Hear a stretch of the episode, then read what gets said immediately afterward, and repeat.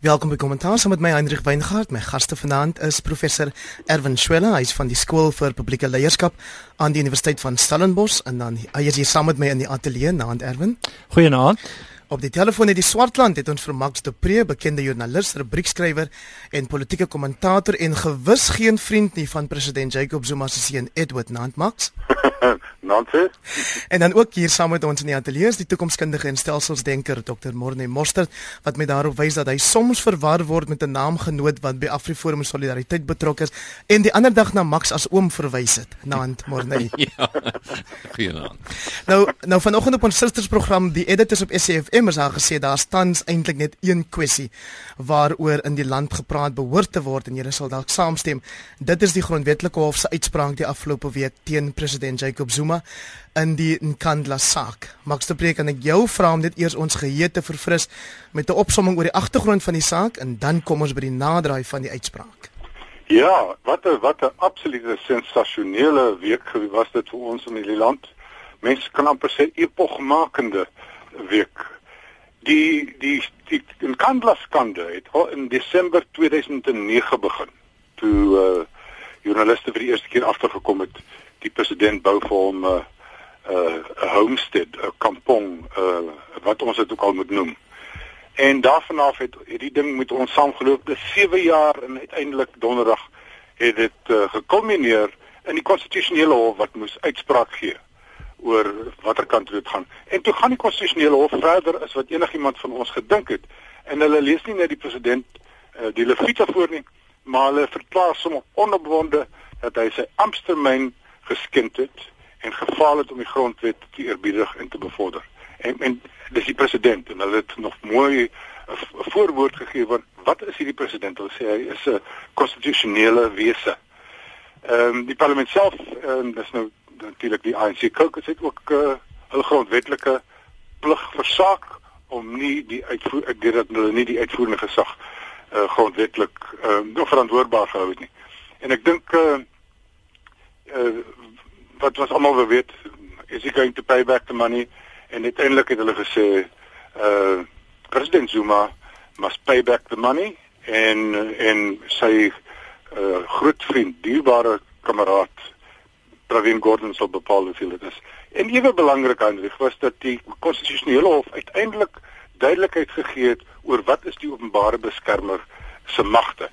Want die parlement het gesê ag, wie sê sy werk vir die vir die CIA en dis net 'n dis net advies en die konstitusionele hof het gesê dis baie duidelik haar bevindinge is absoluut bindend en mag net deur 'n hoër hof gewysig word. So daar het ons dit en uh Nou daarvan ons kan ons toe aangaan na Vrydag toe toe die president gepraat het en en Guedemantas gepraat het. Iets kortliks daaroor? Ja, Vrydag jy weet daar was groot uh, opwinding. Mense het my van oral af gebel en gesê hier is nou twee perskonferensies. Uh eers die president se 7 uur en dan 8 uur is dit die die die die, die top 6 van die ANC se en hulle is baie oortuig dat die president gaan bedank. En jy kan op sosiale media sien mense het die champagnebottels begin nader trek. en ek was maar baie skepties want ek ken hierdie kalant daar al 'n bietjie langer en hy was net so drie sinne weg, weet ek, hierdie ou. Uh sit soos 'n neut in 'n wolkombers, hy gaan nêrens heen nie. En wat hy toe gedoen het, is hy het net gesê soos ek voorspel het daardie oggend. Ehm um, hy het slegte regsadvies gehad. Hy het nooit bedoel om hier om die grondwet te skend nie. En ehm uh, hy sal dit nie weer doen nie. En en toe hy sonder soos professor uh, Pierre de Vos vandag 'n regsmening uitwys, het hy sommer 'n paar vet leuns ook ingewerk oor wat hy in die in die vorige tevore gesê het of nie. So uh, ja, hy hy sit toe uh, daar in in in in 'n uur later toe kom Gwede Mantastie sekretaris-generaal van die ANC die die die hoofman daar oor 100 en hy's baie isig grimmig en baie knorrig en hy sê ja Zuma gaan bly want uh, dis net die vyande van die ANC wil uitmekaar skeer. Maar nou weet ons ook en ek, ons het dit kort daarna geweet nou soos ons nie toegeweet het nie het ons vandag geweet met die sonnigkoerante dat die top 6 van die ANC dis nou die, die top 5 buite en buite die president is nou Cyril Ramaphosa, die vice-president Gwede Mantashe, die die Zweli Mkhize, die die die, die tesourier, ehm um, die adjunk sekretaris-generaal Jesse Duarte en die speaker Beleka Mbete wat die nasionale voorsteur is. En die nasionale voorsteur is, ja, het uh het wel blykbaar vir hom gevra uh voor die dag om te bedank en hy het gesê hy het geweier en hy het gewys op die erge nagevolge wat dit sou hê as hulle hom sou probeer dwing. En daaroor kan ons gerus 'n bietjie verder praat want nou sit die hele land gaan hy gaan hy nie en dit is duidelik die president gaan nêrens heen nie tensy iets anders nou gebeur 'n ja, uh, uh, ander gebeurtenis plaasvind miskien die saak van die DA daarby kan ons nou nou kom. En, um, en tot dan sit ons met uh, die president opgeskep Ma, ba, baie dankie Max, ehm um, professor Erwin Swela, as jy nou gesoek het vir 'n beter studie of case study in publieke leierskap dan gaan jy dit nie maklik kry nie reken ek. Ja, bepaald nie. Ehm um, en dan ook uh, in die kategorie van leierskap wat eh uh, Barbara Kellerman van Harvard Universiteit noem bad public leadership. En uh, dan is daar 'n kollega wat dit selfs toxic public leadership noem. Mm -hmm. Dit is uh, verseker nie 'n voorbeeld van of effektiewe of morele leierskap wat eintlik goeie leierskap sal wees nie. Die implikasies hiervan is uh, op die langtermyn dat die president onder druk sal bly, dat die ANC en die parlement ehm um, en dit is interessant 'n uh, opvolg van die storie het natuurlik vanmiddag om 12:00 plaasgevind toe die voorsitter van die parlement die speaker ehm um, um, mevrou Bet het 'n uh, verklaring gemaak het dat hulle nou hier sit met skadebeheer. Ehm um, hulle het 'n dilemma in die sin dat hulle het nie 'n keuse tussen 'n goeie en 'n slegte alternatief nie. Hulle het nou 'n keuse of keuses tussen 'n klomp slegte alternatiewe.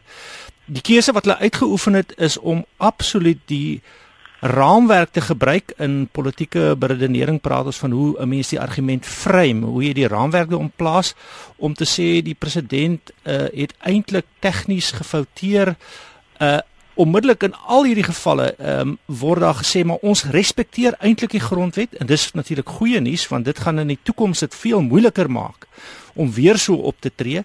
Ons respekteer die grondwet, ons respekteer die grondwet hof se uitspraak, maar dan te sê die president het eintlik op 'n goeie troue manier gefouteer. Nou dit is natuurlik blaatante en patente nonsens. Uh die president het by herhaling ontken dat hy enigiets daarmee te doen het of daarvoor sal betaal en nog 'n klomp ander goed bygevoeg. Dus as ons kyk na die kwaliteit van publieke leierskap hier, dan is dit nie aangedui of kom ons stel dit anders dan is dit redelik duidelik hoekom die rand uh, verswak, hoekom ons uh, op die rand van rommelstate staan, hoekom ons op alle indekse in die wêreld swakker vaar, want ons het doodgewoon slegte regering onder slegte politieke leierskap. En ek dink dis die begin van 'n nuwe episode. Ek dink dat ons gaan nou ontwikkelinge sien en op die kort termyn het ons nog die president met ons op die langer termyn vermoed ek raak dit al hoe moeiliker om daarmee saam te leef. Maar die mosterd die politieke kommentator Theo Venter sê dit was textbook politieke skadebeheer toe president Zuma Vrydag aan sê ek is jammer, ek het nie geweet nie. Ek dink dit is uh dis nie 'n vereiste om te weet dat jy 'n krimineel is om as krimineel beskou te word nie. Met ander woorde die die uh oortuiging wat hy het dat dit nie sy bedoeling was um, om teen die uh, grondwet in te gaan nie. Dit is eintlik nie 'n uh, regsverdediging natuurlik nie. Dit geen geen persoon wat die wet breek se doelwit is om die wet te breek nie. Die feit is of dit gebeur het of nie en ons nou bewys het gebeur. Wat dalk 'n interessante vraag gaan wees dink ek is kom ons sê hy betaal dit nou terug en hy slaag daarin om dit terug te betaal. Een van my voorstelle sou dan wees dat dit 'n lewenstyl audit moet vereis. Want as iemand wat 3 miljoen rand per jaar verdien, daarin slaag om 15 miljoen rand aan een van sy boetes te betaal, dan moet dit aandui dat dalk dalk ander bronne van inkomste ook is. Dit gaan natuurlik dinge net ehm um, dalk meer kompliseer vir die president nê, Max de Pre, maar jy het vroeër verwys na 'n storie wat in presse is vandag en die is oor hoe dat die top 6 uiteindelik deur die Zuma ondersteuners in die ANC leierskap amper 'n uh, eh, uh, eh, gijslaar gehou word deurdat hulle gesê het dring aan daarop dat hy moet bedank of dat hy herroep moet word en daar wag 'n klomp ander probleme vir die party. Ja, jy weet, uh, eintlik ons moet nou ook daarom ook onthou uh, hierdie is politici. Hulle wil in die mag bly. Hmm. En die president het 'n baie sterk uh constituency, ondersteuningsbasis in KwaZulu-Natal en soos ons vandag gesien het in Melmoth het 10000 mense hom toegejuig en hulle was absoluut hysteries in hulle helde verering vir hom. So hy het 'n landelike 'n plattelandse uh constituency wat baie sterk staan. Ons sien ook uh, in die Sunday Times het ons gesien daar was 'n meningspeiling dat onder die stedelike swart Suid-Afrikaners het hy nou minder as 30% van die steun. So sy steun, hy raak nou al meer soos wat Robert Mugabe was. Hy het al sy steun in die in die twee in die dorpe en die twee stede verloor en en en dan sy primêre constituency onder die in die tradisionele gebiede gemaak. So ek dink wat uh, president Zuma gesê het vir die top 5 is hier is die prys wat jy gaan betaal. In die eerste plek het hy glo gesê as ek ehm um, hier onder belig onder 'n staat van beskuldiging geplaas word, moet die parlement ook ontbind van die konstitusionele hof het ook gesê julle het julle wat die parlement is, het die grondwet geskend. Ja. Uh en tweedens het hy gesê hier gaan chaos losbars en en ek gaan wen en ek gaan as julle dit aan my doen, gaan ek seker maak dat ek vir 'n derde termyn staan as ANC president. Met ander woorde van 2017 af al die pad diep in die, in die 2020s in. En ek dink die manne het net besef ons kan nie sy hand hier dwing nie want ons moet 'n verkiesing binnekort wen. Mm -hmm. So dit is die groot vraag uh, aan die een kant dink hulle hulle is beter af met die president om in die plaaslike verkiesing in te gaan. Ehm um, of dink hulle dalk hulle gaan slegter vaar en dit gaan vir hulle 'n sterker swaard gee om sy kop mee af te kap. En tog Erwin Schwella vra die einste Max de Prena wie ons nou geluister het in gister se burger beteken dit nie daar is nou na die uitspraak van die grondwetlike hof 'n afdwingbare verpligting om Zuma in 'n staat van beskuldiging te plaas nie. Dis 'n baie interessante regsvraag. Ehm um, en uh, mens sal daaroor 'n uh, goeie regsopinie moet kry. Die konstitusionele hof was baie duidelik um, in hulle uitspraak dat um, die president het eintlik op 'n manier opgetree wat nie voldoen aan die grondwetlike vereistes nie. Hulle het 'n stap verder gegaan. En dis nou 'n vraag of dit 'n tersyde opmerking is en die reg word gepraat van 'n obiter dictum en of dit 'n werklike substantiëre bevinding is um, om te sê dat die parlement het ook gefouteer. Die implikasie is dus dat indien die, die, die parlement nie optree nie, kan die regsvraag ontstaan of 'n mens die parlement sou kon grondwetlike hof toeneem. In beginsel is dit natuurlik moontlik en dan vra dat hulle werklik optree in ooreenstemming met die grondwetlike hof, die konstitusionele hof se uitspraak. So dit dui maar net weer daarop dat daar verdere stappe hier moontlik is. Moreel is daar dink ek geen twyfel of die dat die president uh, in 'n staat van beskuldiging behoort geplaas te word nie. Uh reaal polities is dit onwaarskynlik want ons het ons nou al gesien wat die top 6 gaan maak. Dit impliseer wat die caucus van die ANC gaan doen. Ehm um, en dan ontstaan 'n interessante vraag of die speaker na aanleiding van vandag se gesprek of sy bereid sal wees om toe te laat dat daar 'n geheime stemming is want dit sou een moontlikheid skep om wel uh die dinamika om te draai maar weer eens is daar so 'n byna ehm um, verbeete vasklou aan mag en almal is nou onder druk almal sien hoe hulle kaarthuise in een tuimel en hulle materiële voordeel verdwyn.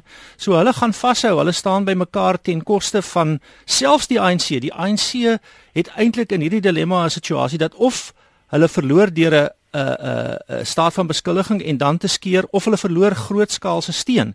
Die plattelandse steun vir die ANC bly waarskynlik intact en ons sien dit veral in in in, in KwaZulu-Natal waarna Max verwys het, maar die stedelike steun daal en in elk geval is die ANC op 'n punt waar hulle nader kom aan die 55-57% steun, stadig maar seker In hierdie verkiesing gaan hulle bloei. Daar's nie enige twyfel daaroor nie. En miskien net 'n laaste opmerking Die implikasie is ek hou nogal die bruin elite in die Wes-Kaap se meningsdop. Ehm um, en ek pyl dit op my eie manier ehm um, en ek kan nou sê dat mense wat tot nou toe nog gesê het ja, maar die ANC is die grondlegger van ons vryheid, begin nou te sê dat as die president nie op 'n manier aanspreeklik gehou word en dramaties iets gedoen word, nie, dan moet ons ons steun aan die ANC definitief heroorweeg. En ek sien dit in die Wes-Kaap as 'n definitiewe tendens. Sien jy môre moster dat die speaker Baleka Mbete enigsins um, van plan sal verander? Want sy was baie duidelik daaroor dat sy nie gaan bedank nie hoewel die grondwetlike hof gesê het die parlement het ook groot fout um, gemaak met die die hantering van hierdie saak.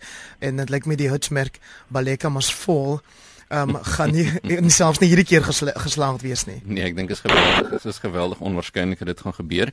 Die die werklikheid is dat ehm um, president Zuma het hulle almal in sy sak. Met ander woorde enige skade wat hy sou ly, sou lei tot skade vir 'n geweldige klomp ander mense. Maar die ANC is ook groter as die top 6. En ons sien dit selfs in groot multinasjonale maatskappye, selfs waar die CEO met uh, met 'n baie sterk binnekring 'n geweldige groot klomp uh foutiewe besluite maak. Natuurlik, natuurlik moet die boodskap na buite wees dat dit op 'n manier positief hanteer word, maar die werklikheid is die stelsels gaan deur 'n evolusie en dinge gebeur baie skielik, dinge wat nie lyk asof hulle op die op die oog af 'n enorme impak kan hê nie, kan dalk in die medium termyn wel 'n impak hê. So ek dink ons gaan wel 'n geweldige knou sien in die ANC in die midtermyn. Maar nou nou nou is die groot groot vraag uh hier. Wie gaan bad by die wegbreek van van tradisionele ANC stemme? gaan dit die EFF wees of gaan dit die DA wees? Uh, Seker 'n bietjie na koop in die UDM, maar meestal sou ek sê die vraag is tussen EFF en die DA. En ek daarmee saam moet ons ook sê dat die dat Julius Malema het verklaar dat wanneer die parlement weer vergader, sal hulle onder geen omstandighede toelaat dat die dat die president weer praat nie. Hulle gaan hom fisiek ja ver, ver, verhoed om om op die podium te gaan staan. Nou en dan gaan hulle ook na die staat toe gaan. Nou dit is gevaarlike stories hierdie. Dit is gevaarlike stories hierdie. Dit is roekelose EFF populisme wat onstabiliteit kan meebring. Want dan gaan die ANC moet doen en sê ons ons gaan ons jeugliga ook nou maar mobiliseer en dan is dit weer 'n bekleierery in die strate. Dis die laaste ding wat Suid-Afrika nodig het. Maar my gevoel tog is dat die EFF ehm um, miskien selfs sy steun van 6% van 2014 verdubbel het en dalk praat begin ons begin begin ons praat van 'n 20% party hier.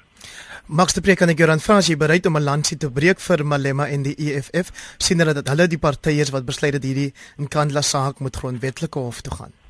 Ja, ek dink dit is 'n veer in in die in die in die EFF se hoed terwyl hulle ook maar net die DA so bietjie net vinniger gereageer het.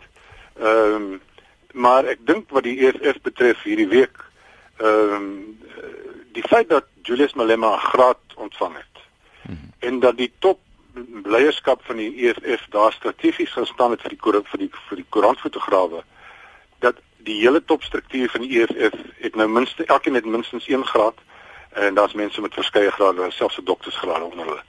En Julius Malema wat al die jare beskryf is as die man wat 'n DV houtwerk gekry het, het terwyl hy Dit was erger hoor, dit was 'n H. Was dit G? okay, Erwin sê dit was 'n G. terwyl hy terwyl hy 'n politieke party gelei het, het hy graad vir grappie en nie aangeskryf en geslaag. En ek dink uh hoe min ons ook al ek ook al van hom hou.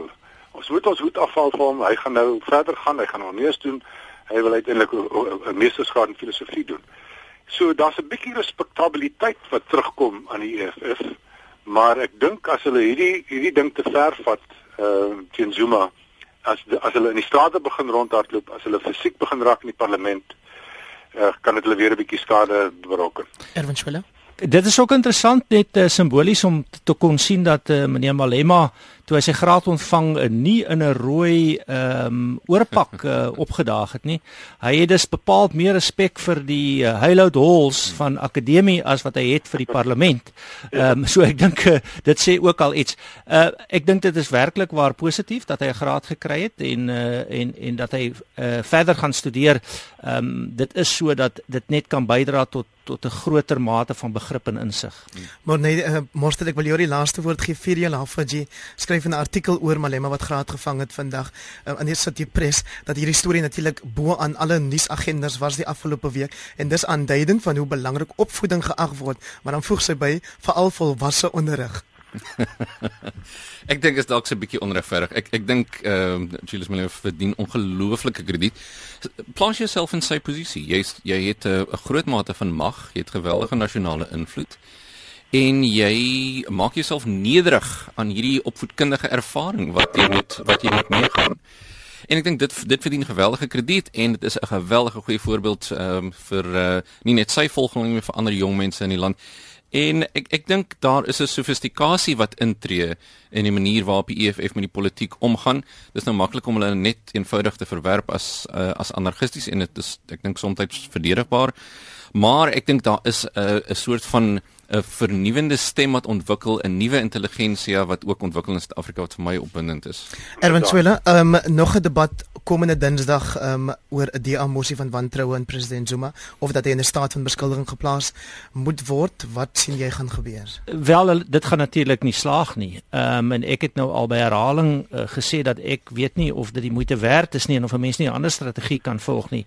Ek het nou al gewonder en dit is 'n bietjie moetswillig of die DA nie 'n uh, privaat lede mosie moet indien en 'n mens kan natuurlik privaat wetsontwerpe ook indien om te sê dat hulle ehm um, grootmoedig soos hulle is en uh, so uh, besonder ehm um, honorable soos die president is in hulle oë dat hulle dalk moet sê dat hulle wil 'n privaat lede mosie of 'n wetsontwerp instel om die president amnestie te gee nie. So die wetsontwerp op die amnestie vir die president ingestel deur die demokratiese alliansie om te sê dat dit eintlik 'n groot voordeel sal wees om min of meer teen alle koste uh van uh die president ontslae te raak en dan te sê dat as hy amnestie kry dan hoef hy nou nie bekommerd te wees dat hy vervolg gaan word wanneer hy mag verloor nie. Dit is nou 21 Ja. Dit is nou 21 minute oor 8 en jy luister na kommentaar hier op RSG 100 tot 104 FM saam met my Hendrik Weingart en my gaste die rubriekskrywer Max de Pre, professor Erwin Swela van die skool vir publieke leierskap en die toekomskundige dokter Morney Mostert. Nou Erwin Swela, die grondwetlike hof het ook in sy uitspraak bepaal dat die tesourier moet sê hoeveel van daai inkantle uitgawes van die president verhaal moet word en dit plaas natuurlik op nuut finansminister Pravin Gordhan in die kollig maar jy weet dat hy ook om twee ander redes die afgelope week in die nuus was. Een daarvan oor sy beantwoording of nie beantwoording van die 27 vrae wat die Valke aan hom gestuur het oor 'n geheime ondersoekeenheid van die inkomste diens en dan natuurlik sy stormagtige of stilswyende verhouding met die kommissaris van die inkomste diens Tomoyani. Wel meneer Gordon, kom ons begin net gou by die eerste van jou drie punte en heel vinnig daaroor. Hulle sal 'n tegniese proses volg. Die interessante vraag daar is net betaal hulle die werklike koste wat totaal 'n uh, onderhewig was aan aan uh, inflasie omdat uh, dit so korrup was. 'n Swembad uh, in in meneer Juma se uh, ag meneer Zuma uh, se agterplaas kos heel, heel wat meer as die een wat ek nie in my agterplaas het nie. Ehm um, uh, en en wat is dan die waarde wat daaraan toegeken word en wat waarvoor gaan hy betaal? Ek dink dis 'n tegniese argument, maar die tesourier is 'n knap klomp amptenare en dit sluit eintlik aan by die tweede punt, uh, die die tesourier het ernstige probleme saam met meneer Gordon met die inkomste diens wat eh, 'n uh, belangrike deel van die fiskale en monetêre argitektuur van die staat uitmaak. So meneer Gordon tree op op 'n wyse wat professioneel is en hy doen dit deurlopend. Dit is miskien dan ook daarbey wat ons presies kan aanhaak aan die derde punt en die derde punt is is dat uh, meneer Gordon streng gesproke het goeie regsadvies om te sê dat um, as 'n mens 'n beskuldigde in 'n strafsaak is, moet jy gewaarsku word dat jy bepaalde regte het uh, en dat jy eintlik die reg tot stilswye het of swye het, jou swygreg om jou nie te uh, te laat inkrimineer nie. Meneer Gordon sê daar's geen regsgronde waarop hy hierdie vrae behoort te beantwoord nie, maar hy doen dit in elk geval omdat hy 'n professionele en uh, en loyale landsburger is. Terselfdertyd Ehm um, as ons nou ook kyk wat uh, met meneer O'Sullivan gebeur het, wil dit al hoe meer lyk asof die valke ehm um, 'n uh, 'n uh, intimiderende groep mense is wat intimidasie taktiek gebruik. Dit terwyl van die luisteraars presies wat dit is, Paul O'Sullivan? Uh wel in vandag se koerante is daar berigte dat uh, meneer O'Sullivan wat uh, uh lank ehm um, sake oopkrap en bloot lê onder andere 'n lang proses gevolg het om meneer Jackie Celebe te ontmasker uh vir die krimineel wat hy was ehm um, dat hy nou in egtenis geneem is omdat hy met drie paspoorte op Oliver Tambo uh, opgedaag het. Nou uh, dit is nie onwettig om drie paspoorte te hê nie. Jy gebruik net die een wat jy moet gebruik. Ehm um, en daarvoor het hulle hom verwyder van die lughawe af met 'n blou lig brigade. Uh gelukkig in die geval nie 'n ongeluk gemaak nie want dit gebeur ook met blou lig brigades. Ehm um, en uh, om uh, uh, die naweek in die tronk ge, ge, gestop. Meneer O'Sullivan is egter 'n 'n 'n heel vaardige operateur en gaan waarskynlik dit tot sy voordeel gebruik. Môre mosterd. Ek dink wat wat interessant is is ook waaroor ons nie hierdie week praat nie. en vir, eh, as ons as ons dink waaroor ons gesels in hierdie laaste paar weke oor dinge soos taal en en ras en so aan, dan is dit net interessant, is dit nie die aard van die tendense en hoe dit verloop dat rasisme byvoorbeeld nou nie hierdie week enigstens ehm um, op ons agenda is nie en dit da, daarmee wil ek sê ek dink dis vernuwend Met ander woorde, ons het 'n nuwe bietjie meer gesofistikeerde debat wat besig is om plaas te vind en ek dink dis opwindend. En ek dink ons het nou hierdie idee dat mense kan verantwoordelik gehou word en daarom kan 'n mens nie hierdie losse ding van rasisme rasisme sommer net so links en regs uh, rondgooi nie. En dis vir my 'n optimistiese ding. Max de Pre, uh, Morney Mostert raak net daaraan iets da, wat 'n mens herinner aan dat in die verlede was daar kritiek binne die ANC dat daar 'n sogenaamde indeer kabal is wat al hierdie finansiële hmm. of uh, poste sou kry en as jy nou in ag neem dat Tom Moyani nie in hier is nie en dat ehm um, meneer Pravin Gordhan dan van 'n ander groep af is dan dan sou jy dalk uh, dan sou jy saamstem dat dit 'n baie positiewe hmm. ontwikkeling is.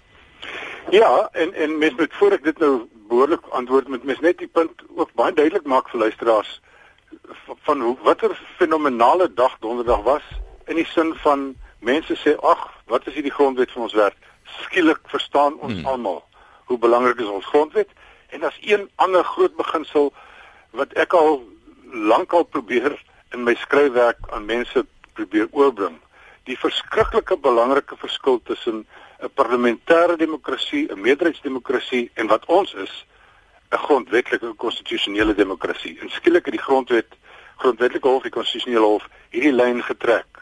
En en en ek dink elke Suid-Afrikaner moet vandag baie meer rustig wees oor ons toekoms om te weet ons is 'n konstitusionele demokrasie. Niemand mag iets doen wat die konstitusie wat die grondwet se letter of of gees verbreek nie.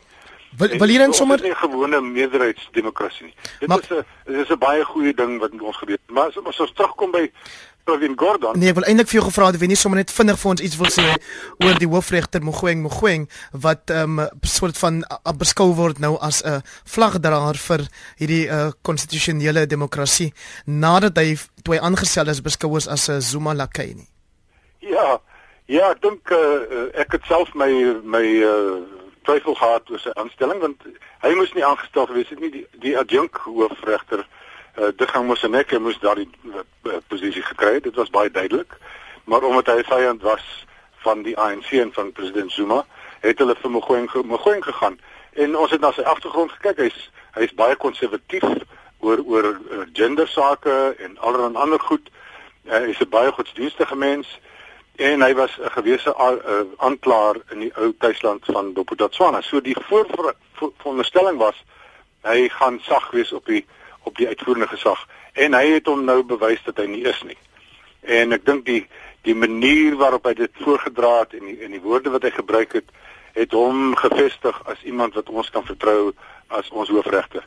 Ek het self al herhaaldelik gesê ek is jammer as ek ooit twyfel oor hom gehad het. Ek dink hy het in daai posisie ingestap en en en 'n regte waardige hoofregter geword. Max, mag ek net gou hier inkom? Dis vir my interessant om hierdie verskynsel dop te hou. Uh as jy 'n uh, relatief onafhanklike instellings is en beide die die howe, die hele regs die hele regbank plus die uh, hoofstuk 9 instellings het eintlik die vermoë om relatief onafhanklik van die president en sy uh, besondere diskresies te wees. Dan kry jy ook in dis my 'n wonderlike uh, uh, dinamika dat dat jy kry dan sommige mense wat wel inval by die agenda van die persone wat hulle sogenaamd aanstel. Ja. Uh, wat jy hier sien is is dat die instelling van die regbank, die instelling van die hoofstuk 9 instellings maak dit moontlik dat daai instellings eintlik meer onafhanklikheid kan vestig. Met ander woorde, 'n regter wat aangestel word binne daai stelsel kry die geleentheid en daar's ook 'n groot kultuur van van onafhanklikheid en kruiskontrole binne die regbank. Die geleentheid om meer onafhanklik te kan wees. Dis nie almal wat dit opneem nie. Ons weet byvoorbeeld dat die vorige openbare beskermer was nie 'n public protector nie maar 'n party protector. Ehm um, en maar dit is net wonderlik om te sien hoe die instellings dan uiteindelik hulle self laat geld en daai dinamika moet ons dophou en ons moet meer sulke onafhanklike instellings kry want die polisiehoof, die valke hoof, die hoof van die nasionale vervolgingsgesag, die hoof van die inkomste diens word net te kort gekoppel aan hulle in terme van aanstellings aan die president, so hulle kan nie eintlik onafhanklik wees. Maar nee, mosterd maar nou het ons ook die ehm um, die geval dat dit lyk vir 'n mens asof uh, Pravin Gordhan al meer mag kry. Hy gaan nou ook in beheer wees of die tesourier dan nou ehm um, van staatstenders. Is dit 'n goeie ding dat jy uiteindelik weer soveel mag verskuif na een individu? Ehm um, dis altyd die dilemma. Ehm um, maar die een ding wat 'n mens wel kan sê oor meneer Gordhan is dat hy hierdie staatsmanskap natuurlik weerspieël en dit dit dit boesem geweldige vertroue in en dit dit plaas ook 'n interessante uh fokus op die tipe leiers wat op die oomblik ons land beïnvloed. As ons dink aan Pravin Gordhan, aan Mogoeng Mogoeng, aan uh, Thuli Madonsela, aan Julius Malema selfs wat wat uh, gesels oor die waarde van kennisinsameling en so aan en dan daarin teen uh, net maar president Zuma uh, Baleka Mbete. Dis interessant wat wat in die landskap op die oomblik gebeur en daar is tog in daai lysie wat ek genoem het 'n geweldige groot oorweging van positiewe vooruitstrewende mense wat die belang van die land wel ehm uh, belangrik ag. Ek wonder sommer nou ehm um, uh, Erwin Swela nadat eh uh, Morne Morstad nou ook verwys het weer na Tuli Madonsela.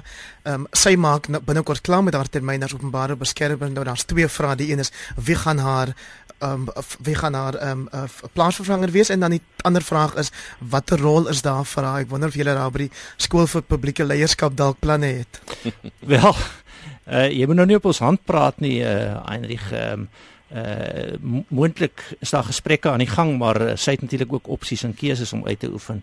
Ehm um, uh, laat ek miskien net sê dat ehm um, die president gaan uiteindelik formeel die volgende openbare beskermer aanstel. Die openbare beskermer dien vir 'n eenmalige termyn van 7 jaar. Maar die interessante ding is is die weer eens die belangrikheid van prosesse as deel van instellings. Die president het nie alleen reg om bevoegdheid om die openbare beskermer aan te stel nie. Die president moet moet 'n um, 'n meerderheid 'n 'n 2/3 meerderheid van alle parlementslede kry in die geval van die openbare beskermer om in te stem tot die aanstelling van die persoon wat hy wil benoem of aanstel. So die president gaan nie hier daarin slaag om soos met 'n polisiehoof of soos met die hoof van die nasionale vervolgingsgesag hierdie hele ding te manipuleer nie. Tweedens dink ek dat wat nou hier gebeur het en dit sluit aan by beide Morne en Max se punte, het die onafhanklikheid van die instellings eintlik bevestig in die gevalle waar daar gesê het die instellings wat die regte dinge gedoen het is reg en die grondwetlike hof sê dit, maar die instellings wat verkeerde dinge doen is ook verkeerd. So wie ook al in daai posisie inkom, kom nou in 'n nuwe werklikheid en daar's 'n nuwe stel presedente wat geld wat eintlik voorkeur kry bo die president presidente het voorkeur bo die pres bo, bo die president. Ja. Gaan dalk nog 'n uh, aksent op hierdie kwessie en en ek is verbaas dat die media nie geweldig baie oor gesels het nie, is die rol van die media. En Tuli Maronzella het eintlik uitgewys dat dit was natuurlik die media wat hierdie saak aanvanklik uh, tot haar aandag gebring het en dit wys vir jou ook die waarde wat 'n rol kan speel in ons uh, in ons samelewing. Terwyl daar 'n paar maande gelede geweldig debatte was oor jy weet is die media werklik 'n uh, bydraende faktor tot uh, tot uh, oneweredigheid in Suid-Afrika of ongemak of konflik in Suid-Afrika, het ons nou hierdie fantastiese verskynsel dat die media eintlik 'n fantastiese bydrae maak. Maar dit is wat kan ek vinnig hier inspring Hendrik asseblief? En net net op die media punt ook ook ander punt maak en dit is soms kan die media ook 'n belemmernis wees in hierdie rol. En ons sien dit op bladsy 18 van vandag se Sunday Times. Ja. Uh waar die Sunday Times moet terugkrabbel oor 3 jaar se se leuns oor oor die nasionale inkomste diens wat die nasionale wat die nasionale sekuriteits uh, agentskappe het stories op hulle gaan plant om om die hele inkomste diens se se leierskap verdag te maak. Hulle het vertel hulle het bordele begin, hulle het by Zuma se huis ingebreek en om en al hierdie goed moes vandag ontken word en die twee mense wat aan die hoof gaan staan het van daai eenheid, Ivan Pille en Johan van Loggenberg is kans gegee om hulle stories te vertel. En so daar's ook 'n rooi lig wat vir ons skyn dat die staats uh, intelligensiemense is besig om rond te hardloop en en kinderstories op die media te plant en die media te veel uh, te veel keer luister die media daarna en sonder om navraag te doen publiseer hulle hierdie goed. Ehm uh, um, um, Erwin Swillet, dit is natuurlik ehm um, oor hierdie eenheid of hierdie ehm um, uh, uh, uh, rock unit soos hulle in Engels sê waaroor minister Pravin Gordhan die vrae vir die valke moes beantwoord en wat ons vroeër na verwys het. Um, maar ek dink dit moet ook seker um, vir jou goed gewees het om te sien dat ons hierdie afgelope week die kommissaris Tomoyani en die minister saam in die openbaar sien verskyn het hulle gepraat het oor die belastinginkomste vir die jaar. Die goed is simbolies uiters belangrik. Ek dink egter nie dat daai spanning is is gehanteer en opgelos nie. Uh meneer Gordon doen wat hy moet doen en um, hy moet 'n verhouding hê, 'n bepaalde verbintenis bevestig met meneer Moyani, maar ek dink nie dis die einde van hierdie verhaal nie. Wat 'n mens dan nou ook moet sê is is dat dat gaan oor oor kwaliteit en oor professionalisme. In al hierdie instellings, die media, die die openbare beskermer, die parlement, moet ons wegkom van die hele idee dat dit politiek dienstig moet wees. Ek maak nogal die punt dat beginsel en die waarheid is die eerste slagoffers van politieke dienstigheid. Ons moet wegkom van politieke dienstigheid en beweeg na beginsels en die waarheid. Dis vyf van julle agtergekom dat uh, uh Pravin Gordhan op die perskonferensie vir 'n oomblik na Tom Moyane is minister Moyane verwys. en toe en toe geglimlag het en gesê hy is nie minister nie, hy is kommissaris. En my baie mense het gesê ag dit was 'n slip of the tongue. Ek ken daardie man. Dit was bereken. Ek kan vir jou dit nou in my hand op 'n boek sê dit was bereken om dit te sê. Net om te sê Meneer Mojane, jy is 'n staatsamptenaar, jy is nie minister nie. Ons het nog so 4 minute oor, so ek vra gou vanmôre net Mostert om met ons vinnig te praat oor die ehm uh, beraad wat die afgelope week gehou is spesifiek oor veiligheid met kernkrag. Dit natuurlik na aanleiding van vrese dat na die terreuraanval in Brussel, daar dalk die moontlikheid is dat terroriste ehm um, in Brussel of in, in België die uh, kernkragsentrale daar sou aanval. Ja, daar's twee groot tendense van ons era en en dit is uh, terrorisme en kernkrag. En wat maak ons met met albei. En die fascinerende ding van kompleksiteit in uh, ons sosiale stelsels is as hierdie goed bymekaar uitkom, dan veroorsaak dit 'n soort van uh, ontploffing, sê ek amper. Uh, dis dis uh, reeds sedert 2010 wat die ding uh, aan die gang is in uh, in Washington en dis eintlik een van uh, president Obama se persoonlike soort van missies om 'n groot bydrae hier te maak en daar is indikasies dat dit wel die geval is dat daar vordering is. Suid-Afrika het ook 'n afvaardiging gehad En ehm um, dit is natuurlik 'n risiko vir Suid-Afrika. Mense dink baie keer dat ehm um, die dinge net plaasvind in Wes-Europa uh, of in Irak, uh, soos Wes-Europa van tevore gedink het. Maar dit is natuurlik 'n internasionale kwessie en dit gaan hier oor ehm um, 'n internasionale sekuriteit en dit lyk my daar is tog geweldige vordering. Wat die dinge so bietjie onduidelik maak is die hele rol van kern, nie die aard van kern, die die nature of, of nuclear. Hmm.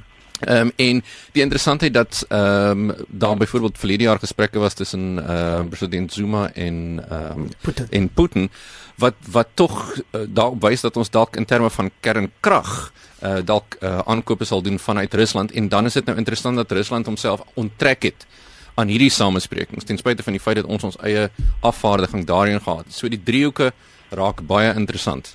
Maar ek dink dit is voordelig vir ons beeld internasionaal dat ons wel teenwoordig was daar in ons sake stel.